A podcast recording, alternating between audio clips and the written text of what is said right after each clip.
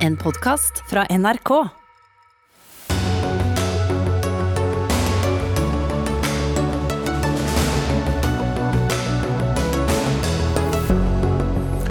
Norsk spillinvestor vil nok en gang det norske spillmonopolet til livs, mens den nye kulturministeren vil ha vil spillinvestorens løsning til livs. Er det vanlige folks tur til å dra på juleforestilling når det koster en familie på fire 2720 kroner bare for billettene, og det attpåtil på en statsstøttet institusjon? Store og små kjønnslepper er det ordene vi bruker som gjør at flere kvinner vurderer å operere seg nedentil. Og den uendelige debatten om politikere og PR-bransje ruller videre. Nå vil Rødt ta slutt på praksisen, mens lobbylektor kaller kritikken for en rituell øvelse. Men ingenting er da rituelle øvelser i Dagsnytt 18 må vite. Jeg heter Espen Aas, om litt skal vi også innom Fiskarlaget, som har valgt et nytt styre. Og tradisjonen tro ble det bestående av bare menn. Private aktører i pengespillmarkedet presser stadig på mot det norske spillmonopolet, som kanskje står enda sterkere fremover. I går gikk iallfall Medietilsynet ut og støttet forslaget fra den forrige kulturministeren om å blokkere utenlandske pengespill på nett. Med noen ytterst få unntak har som kjent Norsk Tipping og Rikstoto enerett på å drive pengespill i Norge. Men denne enerettsmodellen vil du ha en slutt på, Morten Klein, spillinvestor i Klein Group, som også eier spillnettsiden Come ånd. Hvordan vil du overbevise myndighetene? Nei, altså Jeg tenker jo at det er eh, viktig å få fremheva at eh, en spilleregulering bør jo omfatte det at man skal prøve å hjelpe problemspillere på best mulig måte. Og jeg synes at de forslagene som er nå, eh, tvert imot har motsatt virkning. Dette med DNS-blokkering og IP-blokkering er jo bevist egentlig at det ikke funker, bl.a. i Frankrike, hvor vi har et lignende system som i Norge hvor man har sett en sterk økning i problemspillere etter at en innførte en, en slik blokkering. Mm. Men det høres jo noe paradoksalt ut at eh, en spillinvestor skal eh, hjelpe spillavhengige med mer spill? Ja, jeg tror jo det er sånn at uh, Jeg har jo vært i denne bransjen i over 20 år. Og jeg tror at det er viktig å se på det og ta den lærdommen man har over tid. fordi at det aller viktigste er jo, det er jo ingen som ønsker å ha problemspillere på spillesidene sine. Og Derfor tror jeg at det er viktig at man må ta inn over seg over fakta og, og prøve å gjøre noe med det. Mm. Hva er fakta? Fakta er at uh, i Norge så er det uh, fra un undersøkelsen til Universitetet i Bergen viser at det er en økning på 70% på problemspillere mellom 2015 og 2019. Uh, og, og de, spille, altså de spilleproduktene man har i det norske markedet, der er det Norsk Tipping sine produkter som, som øker mest med problemspill, og har flest problemspillere. Mm. Anette Trettebergstuen, kulturminister fra Arbeiderpartiet. Har vi for blind tro på at vårt eget spillmonopol er det beste? Nei, absolutt ikke. Jeg har eh, fullstendig tro på at den norske spillmodellen er den beste måten å regulere eh, spillmarkedet på. Hindre eller begrense spillavhengighet eh, gjennom at Norsk Tipping har enerett, og at de har et som samfunnsoppdrag å begrense spillavhengighet. Og det at vi som myndigheter også kan gripe direkte inn og begrense Norsk Tippings muligheter og, og, og reguleringer. Så er det også sånn at dersom Og det er ikke riktig at spill antall spillavhengige øker. Um, tvert imot så ser vi jo at den norske spillmodellen med, med, med spillmonopol gjør jo at vi får begrensa det på en veldig god uh, måte. Samtidig så er det også sånn at uh, inntektene fra, fra, spillmonopolet går direkte til uh, frivillighet, idrett og kultur over hele landet. Mm. Men det er den andre jo, siden av da, hvis vi snakker om det med spillavhengighet? Det, det viktige med spillmonopolet er nettopp å begrense spillavhengighet. og Det gjøres ved at myndighetene har kontroll.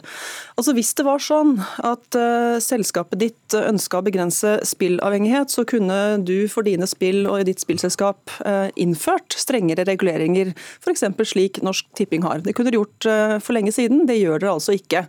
Og I Norsk Tipping så er det sånn at de ringer opp problemspillerne. Hos de utenlandske spillerne, spillselskapene som du representerer et av dem, så ringer man til folk for å få dem til å spille mer. Så det er ikke riktig at den norske enerettsmodellen og spillmodellen ikke funker. Den fungerer eh, godt. Vi har mindre mm. spillavhengighet okay. i Norge enn i veldig mange andre land. Ja, jeg vil jo si at jeg, altså Det stemmer jo ikke det som blir sagt her, eh, dette med oppringninga. Sånn. Jeg mener jo at eh, vi har jo drevet, vi har hatt en regulering i Sverige. Vi har, våre selskaper har vært regulert 58 år i Sverige. Vi har nå en lov, en regulering av online-spill både i Sverige og Danmark som viser seg at fungerer. Det, det, det, som kanskje er problemet i Norge, det som man sier at man kan liksom gjøre noe med det ganske raskt, det stemmer jo ikke. Jo. I 2006 så, så fjerna man jo de private aktørene sine spilleautomater, men man bevarte da bingoautomatene. Disse bingoautomatene har jo Arbeiderpartiet f.eks. sittet og hatt inntekter av i 15 år og tjent over 50 millioner kroner. Disse automatene har 80% problemspillere. 80% av de som spiller på Arbeiderpartiet sine egne automater, er problemspillere. Og da tenker jeg, Hvis man ikke er villig til å gjøre noe med dette på 15 år, hva, hvordan kan man si at man vil gjøre noe? Gjøre Alle de spill som tilbys eh, i Norge, regulert gjennom Norsk Tipping, har, eh, har eh, ekstremt ansvarlige tapsgrenser. På disse Belago-automatene som du sikter til, så kan man tape maks 4000 kroner i måneden. Eh, det høres jo mye ut, men til sammenligning så kan man på tilsvarende automater eh, av de utenlandske eh, spill, spillselskapene tape opptil 140 000 kroner i timen. Så vi har regulert spillmarked spillmarkedet i Norge på en måte som gjør at uh, du skal ikke kunne spille deg fra gård og grunn. Uh, de utenlandske selskapene opererer med helt andre regler. Og det er jo ingenting i veien for Morten Klein at du innfører strengere ansvarlighetsgrenser i ditt selskap i dag utenfor det norske spillmarkedet. Tre du trenger ingen lisens for å gjøre det. Mm, det, som kommer til å skje, det som, det som kommer til å skje hvis vi innfører en lisensmodell i Norge, på lik med ansvarlighetsregler regler som Norsk Tipping, er at noen selskaper vil sannsynligvis si at jo, men greit, vi er med på det, mens du vil ha det store markedet med ulovlige utenlandske selskaper og si at nei, aldri i verden, da tjener ikke vi penger, vi vil fortsette som før. Okay, Ergo er problemet konstant. Nå syns jeg ikke Trettebergstuen har fulgt med litt i hvordan det har fungert i, Norge, eh, nei, i Sverige og Danmark. Men så må jeg også si at jeg syns mye av argumentasjonen til din faktisk er riktig. En regulering vil jo gjøre at de, disse, alle selskapene vil ha samme ansvarlighet. Mens vi har en veldig ansvarlig altså Jeg vil jo påstå at vi er like ansvarlige som Norsk Tipping. Problemet er jo at i Norge så samarbeider ikke spilleselskapene med hverandre. Og så må jeg bare få kommentere én ting til. Kort. Så lenge disse Bellagio-automatene står i bingohallene og problemspillerne, som, altså de har 80% problemspillere. Når, når, folk kommer til bingohallene, så er Norsk Rikstoto der. Private aktører er det med bingo. Så om man kan tappe 4000 i måneden på Belago, skal man fortsatt tape 30 40 50 60 000 i spillehallen. Så det stemmer ikke helt, det som er sagt der. da. Trettebergstuen, også skal du få et spørsmål til. Nei, Det er jo ikke riktig at dette fungerer så godt i, i Sverige eh, og i Danmark. Spillavhengigheten er mye større. Man flommes over av reklame for, for spill. Eh, mens i Norge så har vi valgt en modell som står seg og som er god. Eh, hovedpoenget er som sagt at den er sosialt begrunna. Vi skal begrense spillavhengighet. Vi har lavere spillavhengighet i Norge enn i sammenlignbare land. samtidig som du kan spille. Det er ikke slik at de fleste utenlandske spillselskapene ønsker å operere på lisens i Norge. Et par stykker ville kanskje gjort det, men så ville du hatt de store, aggressive spillselskapene som ville fortsatt som før. og Da er vi egentlig like langt. og Vi mm. ønsker ikke å åpne opp for det i Norge. fordi disse spillselskapene er uønska. De vil ikke la seg regulere slik Norsk Tipping gjør. og Det er ansvarligheten og arbeidet mot spillavhengigheten mm. vi eh, står på Kort til slutt, eh, Morten Grein. Eh, det har vært noen regjeringer du har eh, målt krefter på. Det går vel ikke så bra?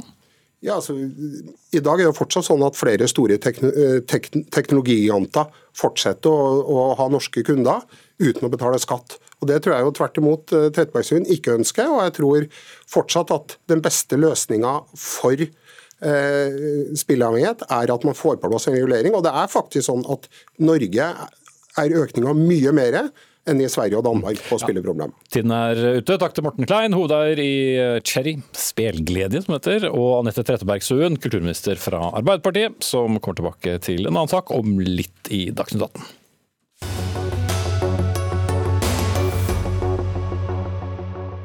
Nå skal vi til debatten om kvinner i fiskerinæringen. For fag- og næringsorganisasjonen Fiskarlaget valgte nytt landsstyre i går, og til tross for store lovnader knyttet til kvinnerepresentasjon, triumferte hele 16 menn i eh, dette valget. Det var eh, heller ingen kvinner som ble nominert til de forskjellige postene. Et benkeforslag på en kvinne kom, men over halvparten av delegatene foretrakk en mannlig. Susanne Mortensen, du er fisker og har vært her i Dagsnytt 18 før du, og snakket om eh, dine opplevelser med kvinnerepresentasjon og trakassering på arbeid. Ble du overrasket over valgresultatet? Nei, jeg kan jo ikke si akkurat at jeg ble så veldig overraska. For den kronikken som jeg ga ut i går, den skrev jeg dagen før valget var avgjort. Men ville det gjort stor forskjell om det hadde vært en eller to kvinner i styret på 16? Jeg, jeg tror at for min del i hvert fall som kvinnelig fisker, så ville det ha visst at de som faktisk tar det her på alvor, i større grad enn de har gjort til nå. Mm. Hvis det kom noen kvinnelige inn i styret i Norges Fiskarlag. Sverre Johansen, generalsekretær i Fiskarlaget. En ting er nå at ingen kvinner ble valgt inn til landsstyret, men det var jo heller ingen som ble nominert. Hvorfor er det sånn? Ja, Det er jo et, eh, en, komplisert valgprosess i den forstand at vi består av en rekke autonome medlemsorganisasjoner, og arbeidet i valgnemnda har foregått over mange måneder. Eh, de har ikke klart å, å finne noen kvinnelige kandidater, og, og da kommer vi dit vi, vi kommer nå på, på, dette landsmøtet her. Eh, det har vært jobba for å prøve å, å, finne noen kvinnelige kandidater, men, men kortversjonen er at vi ikke har lykkes. Ja, Mortensen, antall kvinner som har valgt å være fisker som hovedyrke er da 360 stykker, mens det er 9000 mannlige fisker. Har Johansen et poeng at det er eh, litt lite å velge blant? Nei, altså jeg vet at eh, Fiskerlaget har veldig mange kompetente medlemmer som gjerne vil snakke kvinnfolkene sin sak. Eh, sånn at det der han kommer med nå, da har de faktisk ikke leta godt nok.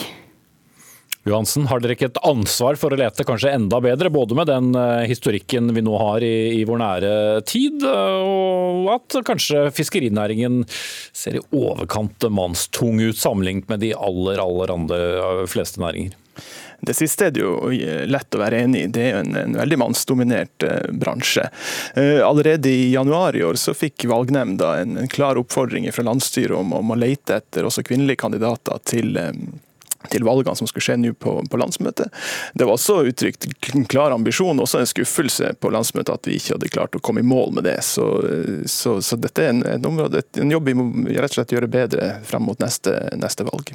Bakteppet her er jo bl.a. Eh, Susanne Mortensens historier om eh, trakassering på arbeidsplassen, nedsettende kommentarer, blitt snakket til med, med babyspråk osv. Hvordan skal et nytt eh, styre, bestående av bare menn, ta denne problematikken på godt nok alvor? Jeg tror det er en problematikk som det går utmerket godt an å ta på alvor, også, også som mann. Og Landsstyret har allerede varsla at eh, et tiltak som vil bli satt i verk, er å sørge for at vi får eh, i det minste inn noen kvinnelige observatører i styret. Det, høres det er jo på en måte ikke en, en fullgod løsning. For å sørge for, for, litt mangfold, så er det et, eh, et grep som, som landsstyret har varsla, som vi vil følge opp, selvfølgelig. Jeg må spørre deg direkte, Johansen. Som generalsekretær, eh, er det litt flaut? Nei, Flaut er vel kanskje ikke riktig ord å bruke. Jeg oppfatter at landsmøtet og landsstyret og medlemsmassen er veldig bevisst på at dette er en, et område hvor vi må forbedre oss og hvor vi må jobbe hardt for å sikre større mangfold, både i organisasjonen og ikke minst ute i næringa på alle de tusenvis av arbeidsplassene og, og båtene som, som, driver i dag. Det vil styrke næringa, og det vil gjøre at vi, vi samla sett også kan, kan jobbe mer målretta med å bedre forholdene. Mortensen, etter at du delte din historie, som fikk eh, mye oppmerksomhet, ikke minst etter opptredenen din her, da, så har du fått mange tilbakemeldinger både fra eh, kvinner og, menn i næringen. Hva er det de sier? De sier det ganske enkelt. Eh, det er litt delte meninger, som sagt. Eh, noen er veldig eh, på meg at jeg er modig og stå, tør å stå i det her. og sånne ting. Andre applauderer det at jeg faktisk tar den kampen og står fullt i den. Og så har vi den siste delen da, som mener at jeg ødelegger hele fiskerinæringa. Det er som sagt litt delte meninger. Men etter å ha stått i en sånn mediestorm, og når man ikke er, eh, er, eh, trent på det, så er det litt av en eh, øvelse. Hvis du skal forsøke å ha en slags oppsummering over din, hvordan du ser på, på, på fremtiden som, som fisker for deg selv? som på fremtida som fisker for meg sjøl, så ser jeg altså jeg har ikke noe håp egentlig etter årsmøtet i går. for Det som kom frem på det årsmøtet i det var ikke noe pent. Jeg følte meg skikkelig truffet av det som kom frem på årsmøtet til Fiskarlaget i går. De bare forklarte meg det at eh, Problemet i fiskerinæringa er media som har skapt den. Eh, det som er Problemet er at det er hardt miljø. Det er ikke noe seksuell trakassering, det er hardt miljø. Og det må vi faktisk bare tåle. For sånn er det å være fisker. Mm. Medier skal over til eh, et medie som heter Kyst og Fjord, der du er journalist, Erik Jensen. Og dere dekker jo fiskerinæringen tett. Hva slags reaksjoner har du plukket opp etter valgresultatet? Det går jo litt i den gata at de som er, utenfor laget og utenfor næringa, de, de, tror nesten ikke det de hører.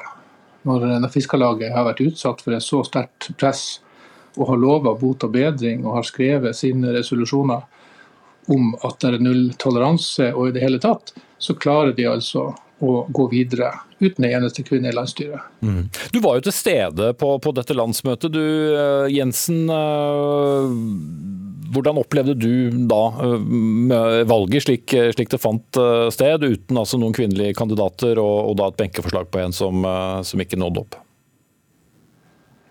Jeg opplever at Fiskarlaget har problemer nok fra før. Som om ikke de også måtte hanskes med denne utfordringa. Fordi det pågår jo en sterk dragning internt mellom Fiskarlaget sine forskjellige medlemslag, der maktkampen er kanskje det som først og fremst gjør hvem som blir nominert til landsstyret. Og at de da i innspurten mot landsstyret fikk denne kvinnesaken i fanget, det var ingen av dem forberedt på. Og ville kanskje ikke ha den? Nei, eh, hvem ønsker seg en sånn sak? Sverre Johansen, eh, stadig med oss generalsekretær i Fiskarlaget. Du skal få lov til å kommentere på det siste fra Jensen her. Altså, Fiskarlaget er jo en, en demokratisk medlemsorganisasjon hvor det er, kan være ulike oppfatninger om, eh, om, en rekke saker.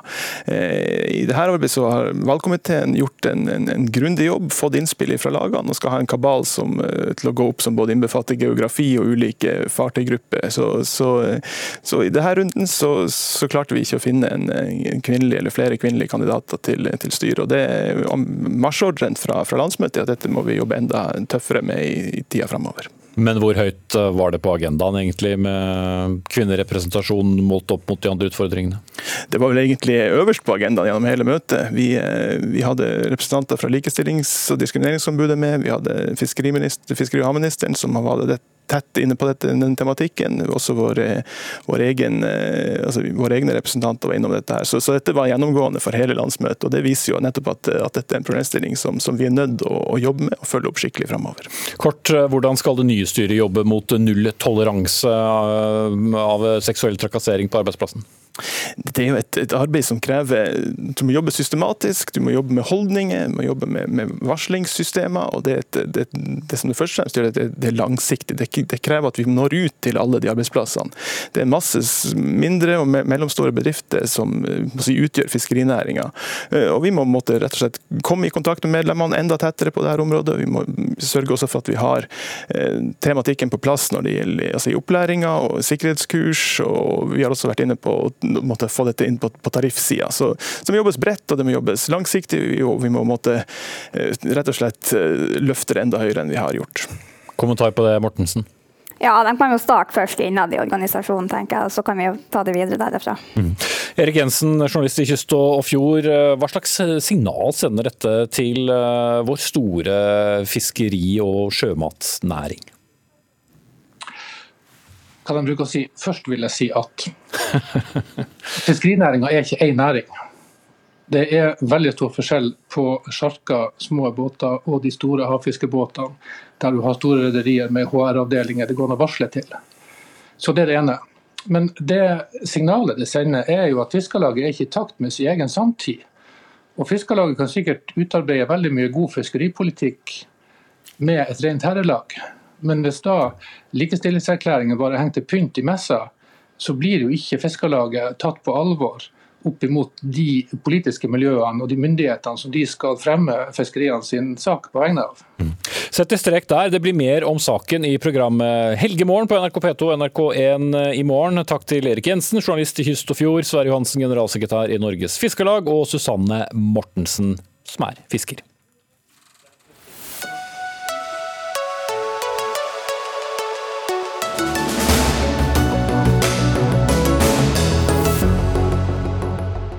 2720 kroner, ja det er det du må punge ut med dersom du er en familie på fire og har lyst til å se Nøtteknekkeren på Den norske opera.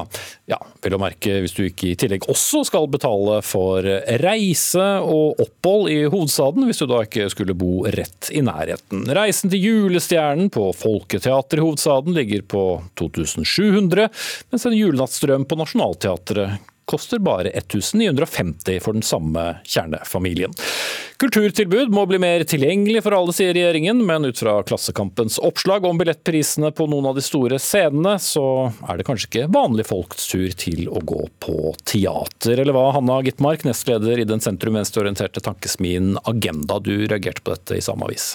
Jeg tror alle som får høre at det koster nesten 3000 kroner å se Nøtteknekkeren eller gå og se eh, Reisen til julestjernen få sette kaffen i halsen. Jeg har høyere lønn enn en gjennomsnittsinntekt, men vi satt og så på mulige teaterforestillinger hjemme hos oss og syntes det var for dyrt, og veldig mange tjener mye mindre eh, enn det. Og Det handler jo om det, eh, for det første det strukturelle i, i samfunnet. Vi vet jo at eh, de siste årene har ulikhetene økt. Det er flere barn nå enn før som vokser opp i familier med vedvarende lavinntekt.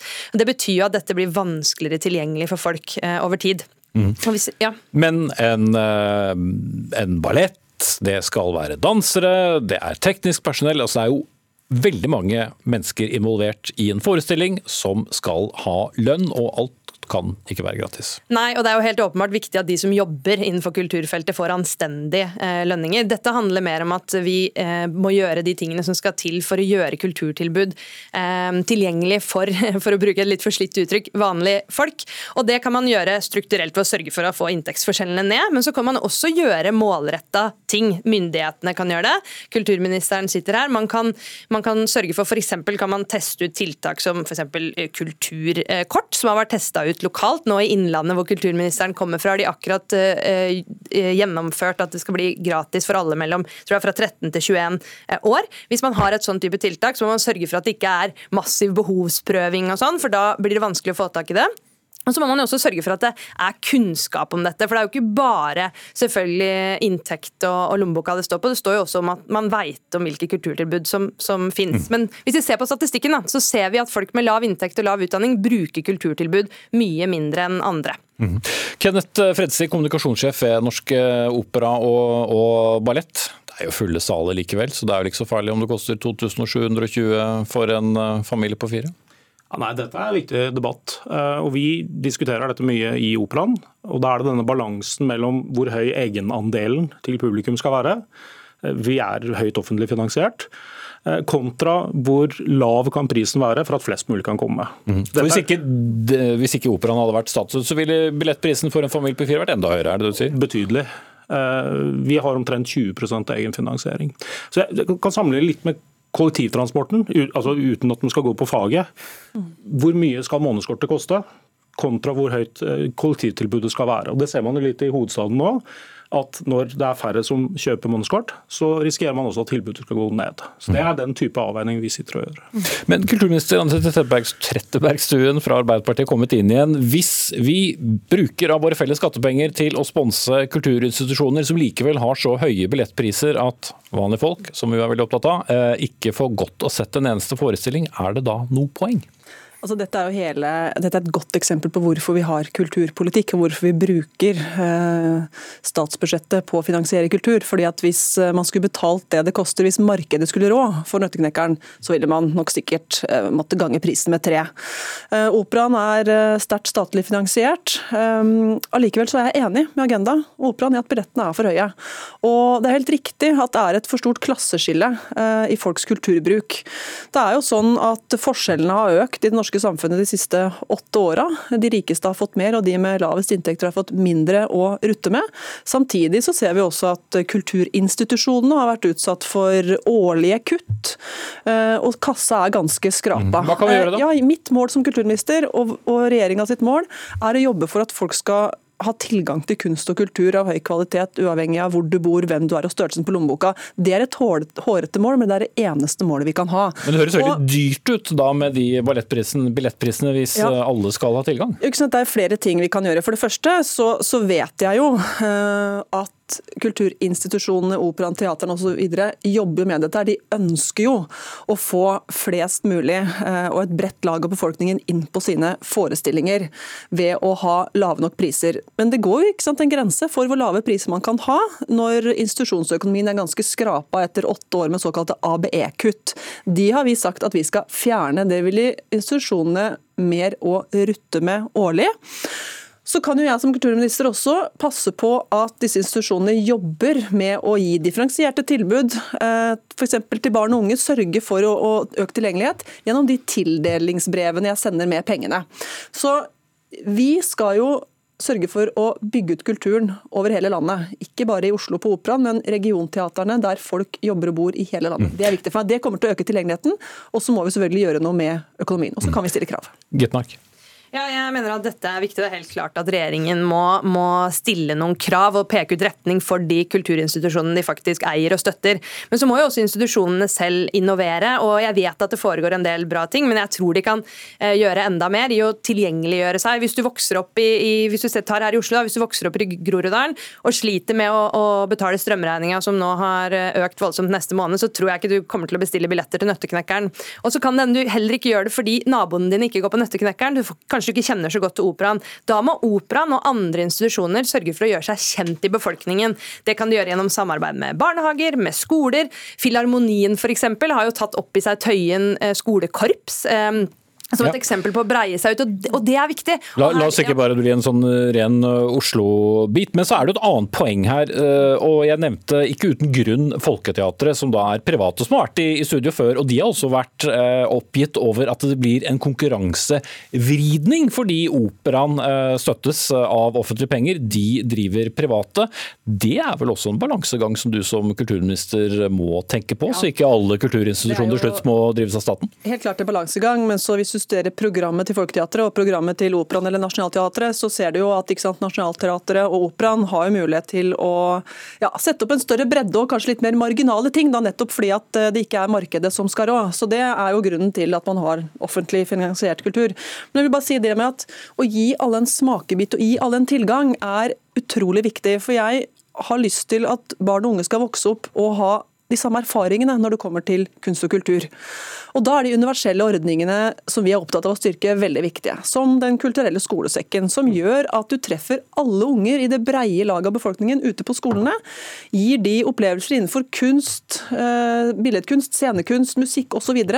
Og så velger man jo selv hva man liker og hva man ønsker å, å besøke på fritida når man blir voksen, men det er en veldig demokratisk, eh, god ordning som gir alle en smakebit. Men, men Fredsi, du kjenner jo publikummerne dere får, eh, som sitter på, på, forestillingene, og med da dagens eh, billettpriser. Det er vel en kjensgjerning at den må vel mer enn halveres, kanskje, for at det skulle blitt så mange vanlige folk, hvem de nå måtte være? Ja, altså nå, det, nå, har det vært litt pandemi og sånn, eh, men hvis man tar det siste normalåret, da, 2019, så var gjennomsnittsprisen i operaen 434 kroner.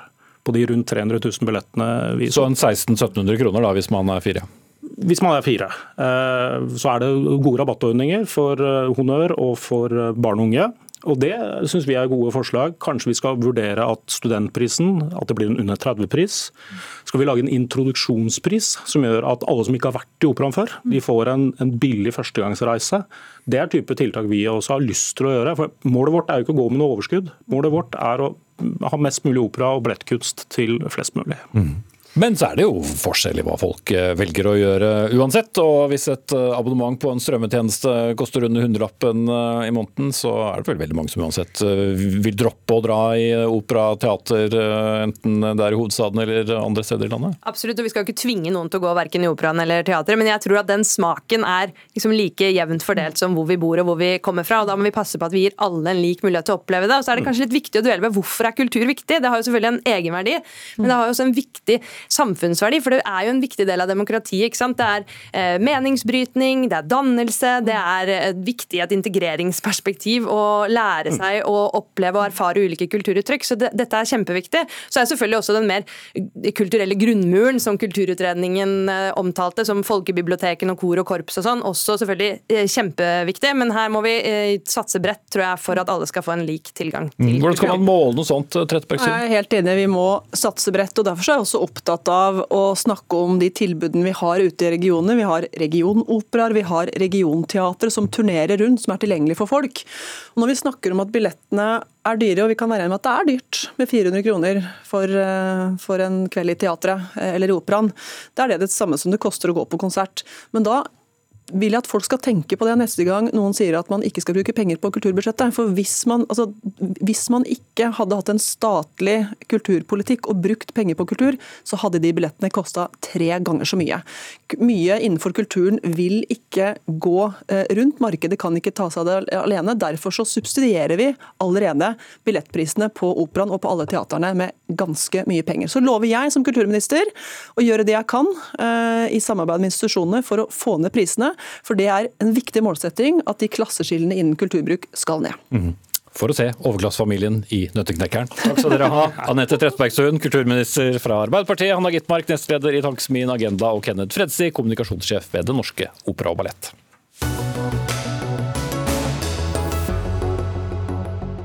Debatten om eh, svingdørene mellom PR-bransjen og politikk raser nok en gang i avisspaltene etter at Dagens Næringsliv slo opp at eh, tidligere statsråd og stortingsrepresentant for Frp, Jon Georg Dale, blir en del av det allerede politikertunge byrået First House. Så har debatten gått mellom to herrer som er med oss her eh, i sendingen, nemlig høyskolelektor Ketil Raknes og deg, stortingsrepresentant for Rødt, Mimir Kristiansson, med oss fra Stavanger.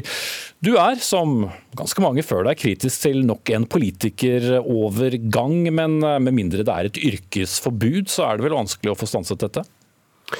Det er mulig å i alle fall uh, gjøre tiltak som begrenser PR-bransjens makt og innflytelse. F.eks. så kan jo det offentlige uh, slutte å kjøpe tjenester for PR-bransjen. Vi kan lage strengere karanteneregler. Vi kan innføre et uh, lobbyregister som gjør at alle som møter sånne som meg, blir registrert, og at det dermed ikke er mulig å kontakte eller møte oss i skjul. Og vi kan jo forby praksisen med hemmelige kundelister, som f.eks. First House lever på. da. Men problemet her lite eller stort, er jo at politikere som har gått eh, skolen eh, i det folkevalgtes tjeneste, etter endt tid som politikere selger sitt eh, nettverk og sin kompetanse til høystbydende. Og Når de i tillegg gjør det eh, med hemmelige kunder, så oppstår det en mulighet for å påvirke politikken eh, som er bare tilgjengelig for de som har råd til å betale. Og så er jo spørsmålet har PR-byråene så mye makt og innflytelse, og det er vanskelig å svare på, men det er i alle fall nok makt og innflytelse til at en haug med folk i næringslivet er villig til å betale for PR-byråer.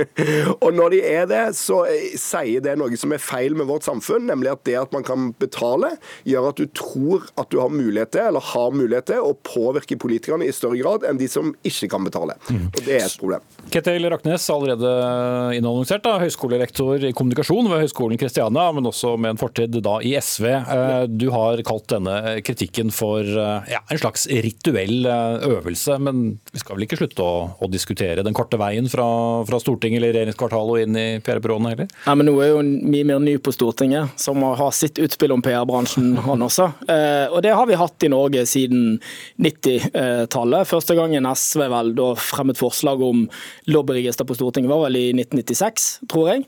Eh, og så går denne debatten da med jevne mellomrom, hvor politikere fra ulike partier går ut og kritiserer PR-bransjen. Eh, nå har jo Rødt sitt på det tørre, for Rødt nevner jo også flere andre tiltak, nemlig lobbyregister. De ønsker strengere karanteneregler. Og det må man man gjerne få.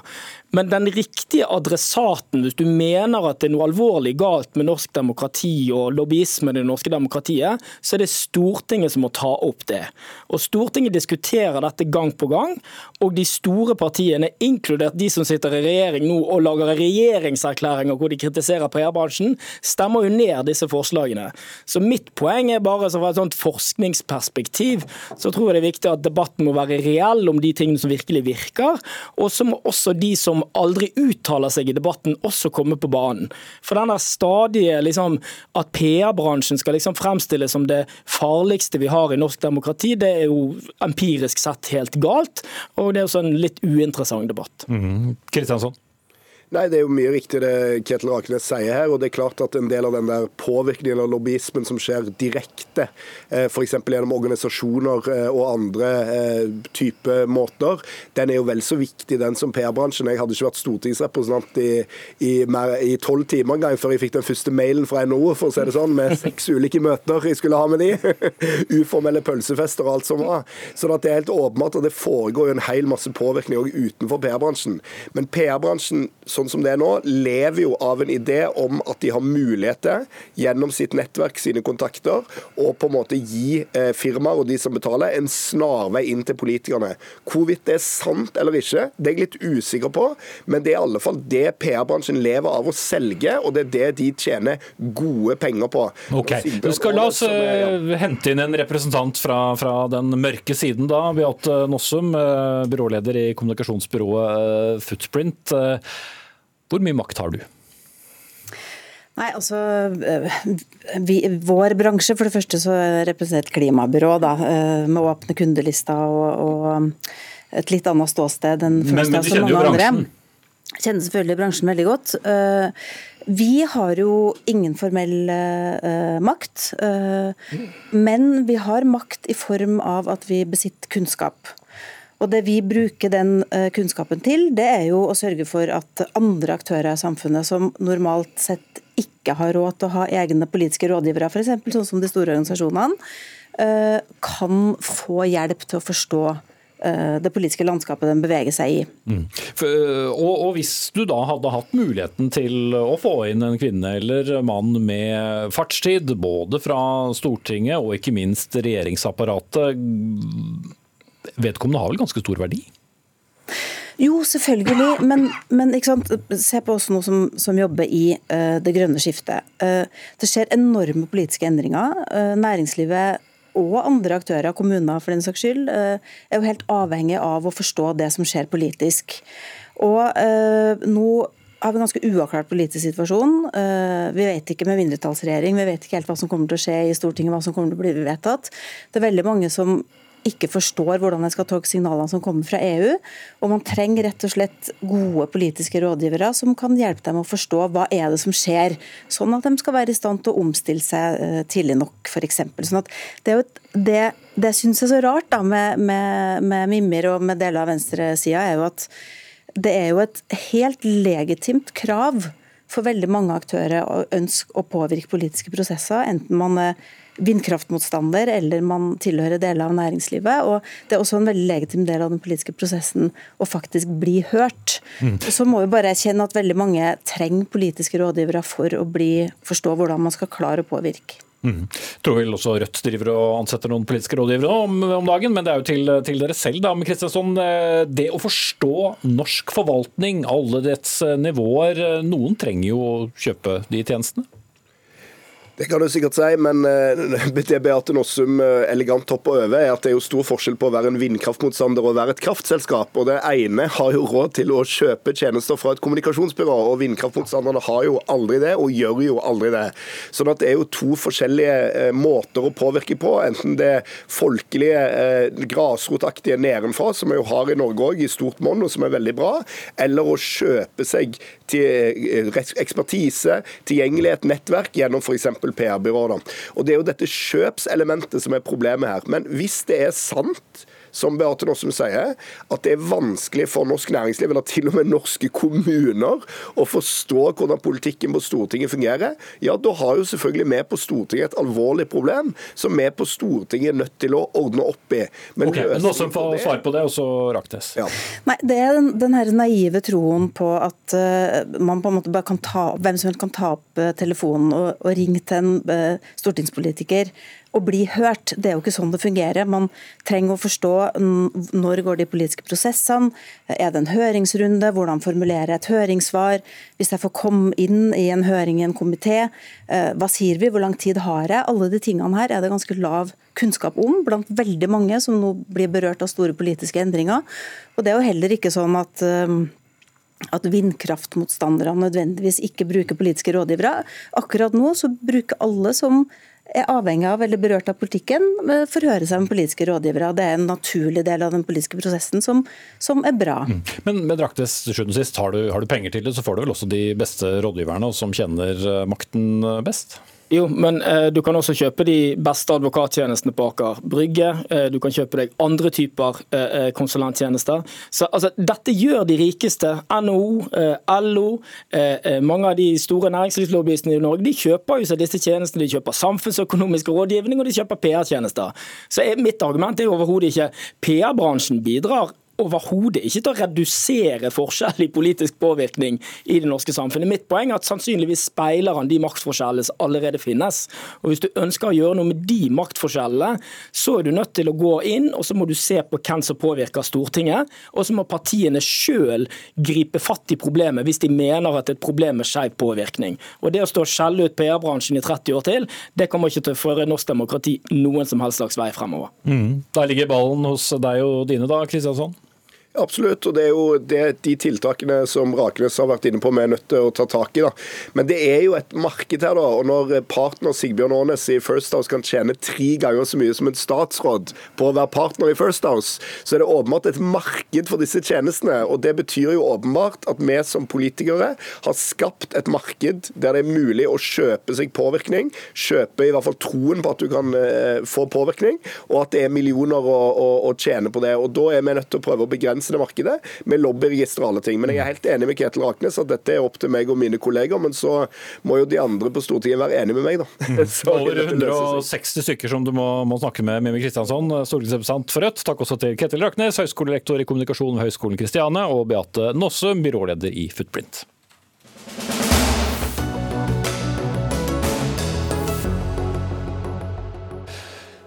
Skamlepp Lepper, skambein og jomfruhinne, det er noen ord om det kvinnelige underlivet som er på vei ut av språket, etter en god del debatt, også her i Dagsnytt 18. Nå bør turen komme til kjønnsleppene, kunne vi lese i en kronikk i Aftenposten nylig. For skaper vi med disse ordene bilder som gjør at noen opererer i kjønnsorganet sitt helt unødvendig. Mer om eh, operasjonene straks, men først om ordbruken. Helle Uri Hageberg, du er eh, lege i spesialisering og skrev en kronikk sammen med språkviter Helene Uri, som også er din mor, eh, dersom noen lurer på den navnelikheten, om hvordan ord påvirker holdningene våre. Hvorfor er det så viktig? Jeg tror dette er veldig viktig, for vi ser at eh, flere og flere unge er usikre når det kommer til underlivet sitt. Dette gjelder både menn og kvinner, men nå er det kvinner vi snakker om i dag. Eh, og jeg som lege opplever at unge kvinner kommer og, og er usikre på om de ser normale nedentil. Eh, og når jeg gjør en gynekologisk undersøkelse og bekrefter at alt ser helt normalt ut, så ser jeg skuldrene deres senke seg. Og da mener jeg at det er veldig viktig at helsepersonell bruker begreper som ikke fører til mer skam men som ja. faktisk beskriver kroppen slik den er. Og, og, Det er blant tingene du har sett på. Hva, hva var det du fant ut? Eh, når vi så på eh, hvor de brukte begreper eh, fremfor indre og ytre kjønnslepper, da, som eh, jeg mener er bedre begreper å bruke fremfor store og små kjønnslepper, så så vi at dette ble brukt på pasientinformasjonssider, bl.a. NHI, Norsk helseinformatikk, Kreftleks, Norsk eh, legehåndbok. og dette er på en måte små grep som kan gjøre en stor forskjell. Mm. hvis man endrer dette. De brukte, det skal sies at de brukte begge begrepene, eh, men vi fant eh, pasientinformasjon hvor det sto store og små kjønnslepper også. Mm. Og for å oppsummere da eh, funnene og, og, kronikken deres, så er ordene som vi bruker har en, en sammenheng med, med, holdninger og handlinger? Definitivt. Altså du, det er et veldig lite tiltak som kan gjøre en ganske stor forskjell. Og ja, beskrive kroppen slik den er. Og Det har jo vært ord tidligere, bl.a. har man jo før sagt skamblepper, og det sier jo veldig mye om hva man har tenkt om kroppen tidligere. Og at vi må ta et, et oppgjør med det og begynne å si store og, nei, beklager, indre og ytre kjønnslepper fremfor store og små. Mm. Siri Klakstad, gynekolog i sex og, samfunn. Eh, ja, begrep som store og, store og små kjønnslepper eh, er nå én ting, men du som kjenner det litt mer fra, fra innsiden, hva tror du det gjør med, med holdninger og kanskje forventninger til hvordan en kropp skal se ut og ja, ikke se ut? Ja, eh, Store og små kjønnslepper kommer jo fra det latinske labia majora og labia minora, som er det det heter på legespråket. Om vi skal bruke det språket overfor våre pasienter, er jeg ganske enig med Helle om at vi kanskje ikke skal uh, gjøre. Men hva det gjør med oss jeg vet ikke, jeg har også pasienter som kommer og som lurer på om de ser vanlige ut nedentil på Sex og samfunn, og vi er opptatt av å forklare dem at, at det gjør de. For vanlig, jeg prøver å ikke bruke ordet normal heller, vi skal snakke om ordbruk, er, det er jo så stort spenn. Mm. 55% av alle kvinner har de indre kjønnsleppene litt utenfor eller nedenfor de ytre. Mm. Og poenget er det er vel ingen, det er ingen normal, det er uh, mange forskjellige varianter. Men likevel så er det da mange som oppsøker uh, kirurg for å, å, rette opp i noe som de selv uh, har en formening om at f.eks. Er, er for stort, noe som ble belyst på Midtnorsk debatt nylig. Du har selv utført slike plastiske operasjoner, men er blitt en sterk motstander av det. Hvorfor det? Fordi jeg mener at det å eh, korrigere på utseendet kirurgisk sånn på generelt grunnlag ikke er eh, Jeg er ikke noe tilhenger av det. Um, og så er det jo en komplikasjonsrisiko ved all kirurgi, slik at eh, å fjerne et friskt organ, sannsynligvis også velfungerende, og ikke minst et organ som er der for en grunn, tenker jeg at bare det er dumt og mm. Men det gjøres. Halvdan Wier Simensen, legespesialist og gründer av Aviva helse. Du sier selv at du er en av dem som har utført flest uh, intimkirurgier i, i Norge. Skal man operere noe som egentlig er helt normalt? Ja, Det er et godt spørsmål, men, det er en litt annen diskusjon. For I utgangspunktet opplever jeg at vi har litt forskjellige ståsted. fordi de, de, forteller at de har pasienter som kommer til dem og spør om de er normale. Jeg har pasienter som kommer til meg med et problem. Dette plager dem, og jeg syns eh, kanskje den norske gynekologstanden er litt, litt, litt ovenfra og nedad når de ikke vil lytte til at pasienter sier at dette plager dem. Og dette er pasienter i alle aldre. Man fremstiller gjerne denne kirurgien som noen 16-åringer eh, påfunn. Dette er pasienter som har et helt aldersspekter opp til 80 år. Har operert, jeg har operert en pasient i dag som var 62 og har tenkt på dette i over 40 år. Skal man da si at gå hjem og tenk deg om, eller skal man si at pasienten kanskje har en følelse selv som man skal respektere? Ja, Hva svarer du da? Jeg syns man skal lytte til pasienten. Jeg forteller dem stort sett alltid at du er innenfor normalspekteret. Det er veldig få som faller utenfor et normalspekter. Men det betyr ikke at man ikke kan ha plager av det på forskjellige måter. Mm. Men hva, slags plager da? At man synes uh, man ser uh, rar ut nedentil, eller er det helt andre Det er fysiske plager? anliggender. Problematisk ved samleie, sykling, en del typer eh, annen idrett, intimhygiene, synlighet, undertøy, badetøy. Pasienter som sier de bruker to bikinier utenpå hverandre, de er redd for synligheten. Og så er man selvfølgelig i intimsituasjoner, at man ikke selvfølelsen er ikke på topp omkring dette her. Og jeg har kvinner som sier jeg har vært gift seg 20 år, mannen min er ikke interessert. Han syns jeg bare tuller. Men jeg føler på det, og jeg har følt på det siden jeg var i puberteten. Og det er en veldig vanlig historie jeg, jeg hører. Og når jeg har statistikk som viser at jeg har en ekstremt høy grad av fornøydhet med det man gjør, så kan man spørre seg hvorfor skal man være så restriktiv. Dette er et inngrep som nevner kan ha sine komplikasjoner. I mine hender så har det ekstremt lite komplikasjoner og er et veldig lite farlig inngrep. Mm. Fysiske plager, eh, Kløkstad, hva er eh, din erfaring med det? Eh, det er jo vanskelig å ha erfaring med andre menneskers fysiske plager. Men de, jeg har jo hørt eh, pasienter som har eh, fortalt at de har plager. Og jeg har da ikke sett noen sånn voldsomt stor sammenheng mellom størrelsen på disse kjønnsleppene som skaper plager, og de plagene de beskriver. Det betyr ikke at, kanskje, ikke at noen har plager. Jeg skal ikke undergrave pasienters plager. Men jeg tenker at hvis det er skam, og hvis det er et ønske om å, å, å, se normal ut eller se ut som alle andre og være redd for hvordan man ser ut og bruke to bikinier på stranda, så tenker jeg at kan vi ikke heller hjelpe hverandre med å, å, akseptere at vi ser sånn ut, i stedet for å operere på det som er helt vanlig og helt normalt? Simonsen. Jo, det er veldig mye som er helt vanlig. Store bryst, for mye hud, hengemaver, hengebryst, for store bryst, store neser, utstående ører. Alt dette er vanlig, og vi skjærer i friskt vev. Så det er en annen diskusjon. Men også, vi, vi, kan ikke skru av verden, dessverre. Mm. Men hvor kommer disse idealene fra, da? Noen av disse debattene har jo pekt på f.eks. pornoindustri. Altså, man finner jo noe man sammenligner seg med. Det er jo derfor man opererer også ting som er langt mer synlige, som ører, neser, ja. lepper, fjerne rynker osv. Selvfølelse er et sentralt anliggende og likhetsgreiene, men det er en, en stor diskusjon. Men, men, problemet er at verden er der ute. Hvis du søker på Labia Surgery, gå inn på Google i dag, så får du 8,2 millioner treff. Og du må skru av YouTube, du må skru av mye annet, og du må skru av NRK. på Et sånt program som dette det skaper økt etterspørsel hos meg i morgen. Det har jeg erfaring med fra tidligere, og det er virkeligheten.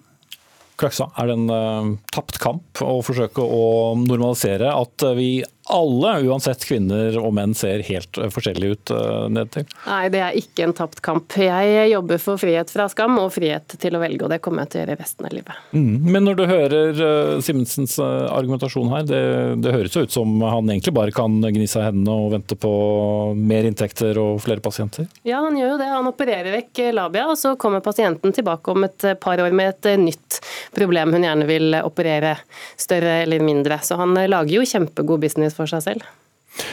Tenker du noen ganger på at du er i ferd med å, eller er med på å, å lage et, et, marked som, for, for, noe som mennesker i generasjoner har klart seg helt utmerket uten? Det gjør vi alle hele tiden, i alle sammenhenger. Så, så selvfølgelig ser jeg det. Men, men, samtidig så har vi et samfunn som er blitt mye mer åpent. Det er et tema. Og så er det spørsmålet om hvem som vet best. Hvis noen sier send pasienten til psykolog, så pleier jeg å svare hvem skal jeg sende psykologene til. Vi har operert flere psykologer, vi har operert leger, operert teologer og masse sykepleiere. Og vet jeg best, eller vet de kanskje selv noe som jeg skal respektere? i forhold til at Hvis jeg sier statistisk, så har du en, en sannsynlighet på over 90% I all internasjonal litteratur så opererer man med 90 worth it, som man kaller det. Fornøyde pasienter med andre ord. Og så skal man se bort fra det, fordi det ikke passer med vårt livssyn. Dette er litt religion, opplever jeg det som. Det er ikke en realitet i forhold til kirurgisk virkelighet. Ok, jeg må sette eh, strek der. Eh, takk til Halvdan Wier Simensen, legespesialist og gründer av Avia Helse. Siri Klakstad, gynekolog, i Sex og samfunn. Og med oss på starten Helle Uri Hageberg.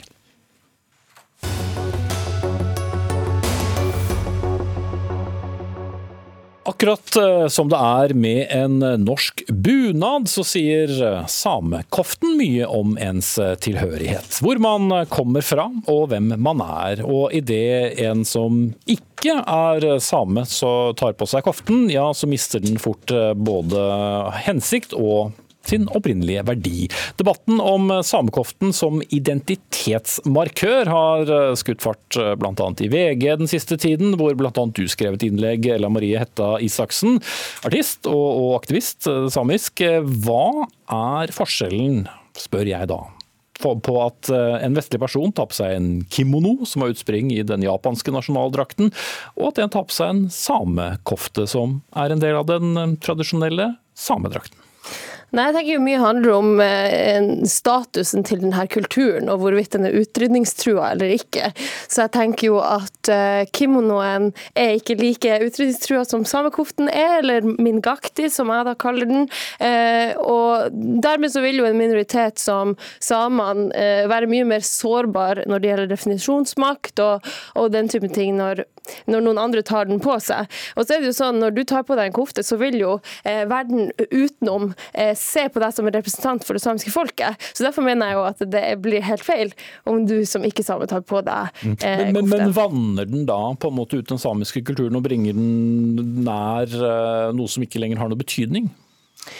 Ja, altså det kan man jo på en måte si. Eh, men ikke sant Samekofta er jo for meg og det samiske folket på mange måter den viktigste og den mest tydelige identitetsmarkøren vi har.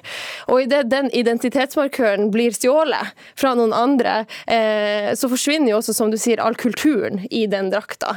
Eh, så, så, så, for meg er det jo selvfølgelig veldig støtende når noen gjør det, fordi at eh, en, en samekofte kan ikke si noen ting om deg eh, hvis du ikke eh, har tilhørighet til noen samiske områder. For da er det bare et plagg.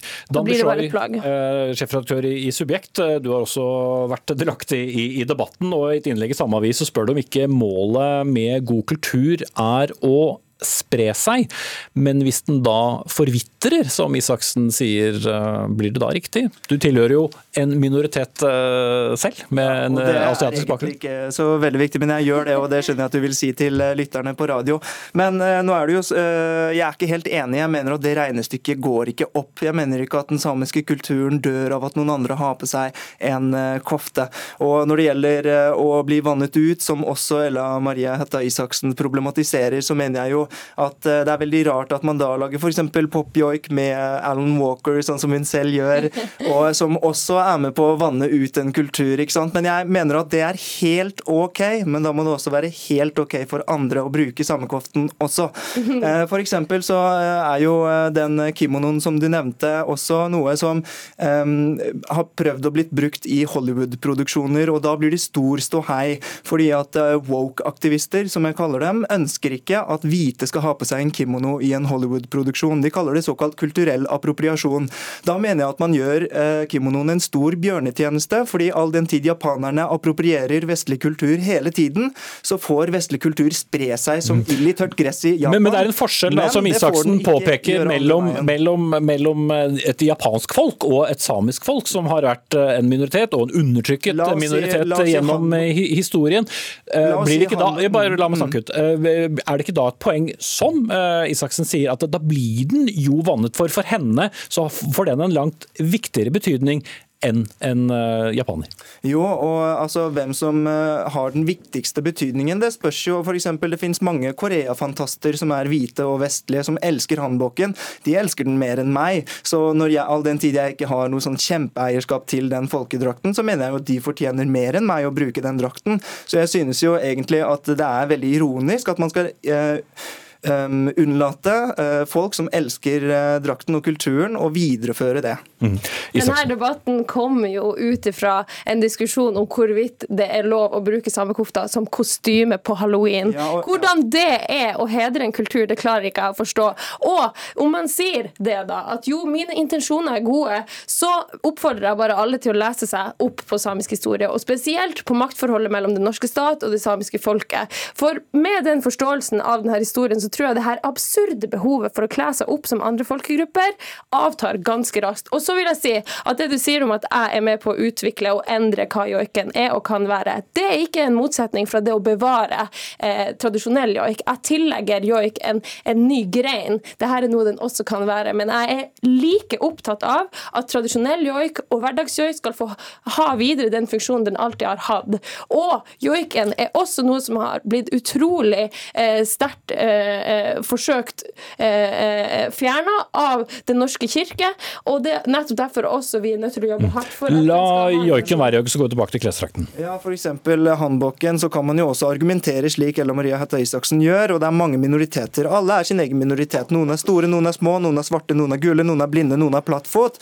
Og det er ikke noe ytringsrom igjen. Det ble vel ikke en god sammenligning til et jo, folks, en minoritets folkedrakt? Problemet her er at hvis alle krever sin minoritet vernet, så er det veldig farlig. For da er det ikke noe plass til humor, kunst, journalistikk, jo, forskning. Det det. Og det som er, det er ikke så viktig for meg. Det er ikke viktig i det hele tatt for meg at eh, liksom, jeg skal gå i en samekofte på halloween. Så det premisset er jeg egentlig ikke helt med på. Nei, men Det er der diskusjonen som har startet med debatten her i NRK tidligere uke. Nå må du være forsiktig med det, fordi det er dere som inviterte meg til denne debatten, til tross for at jeg eh, under researchen poengterte det.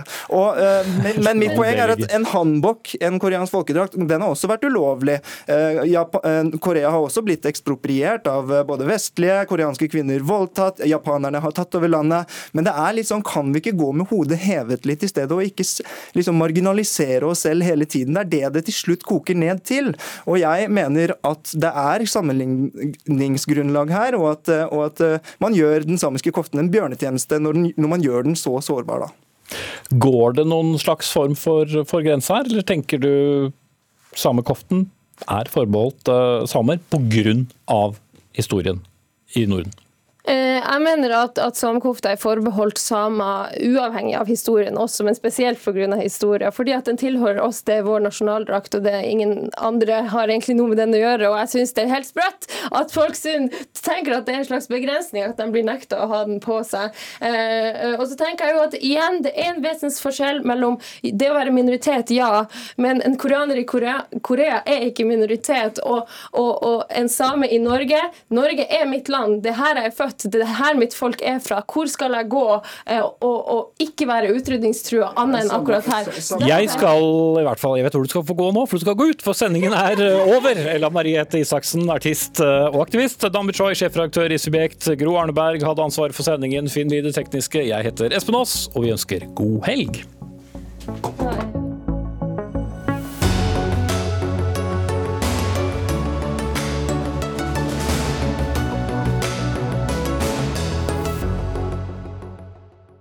Du har hørt en podkast fra NRK. Hør flere podkaster og din NRK-kanal i appen NRK Radio.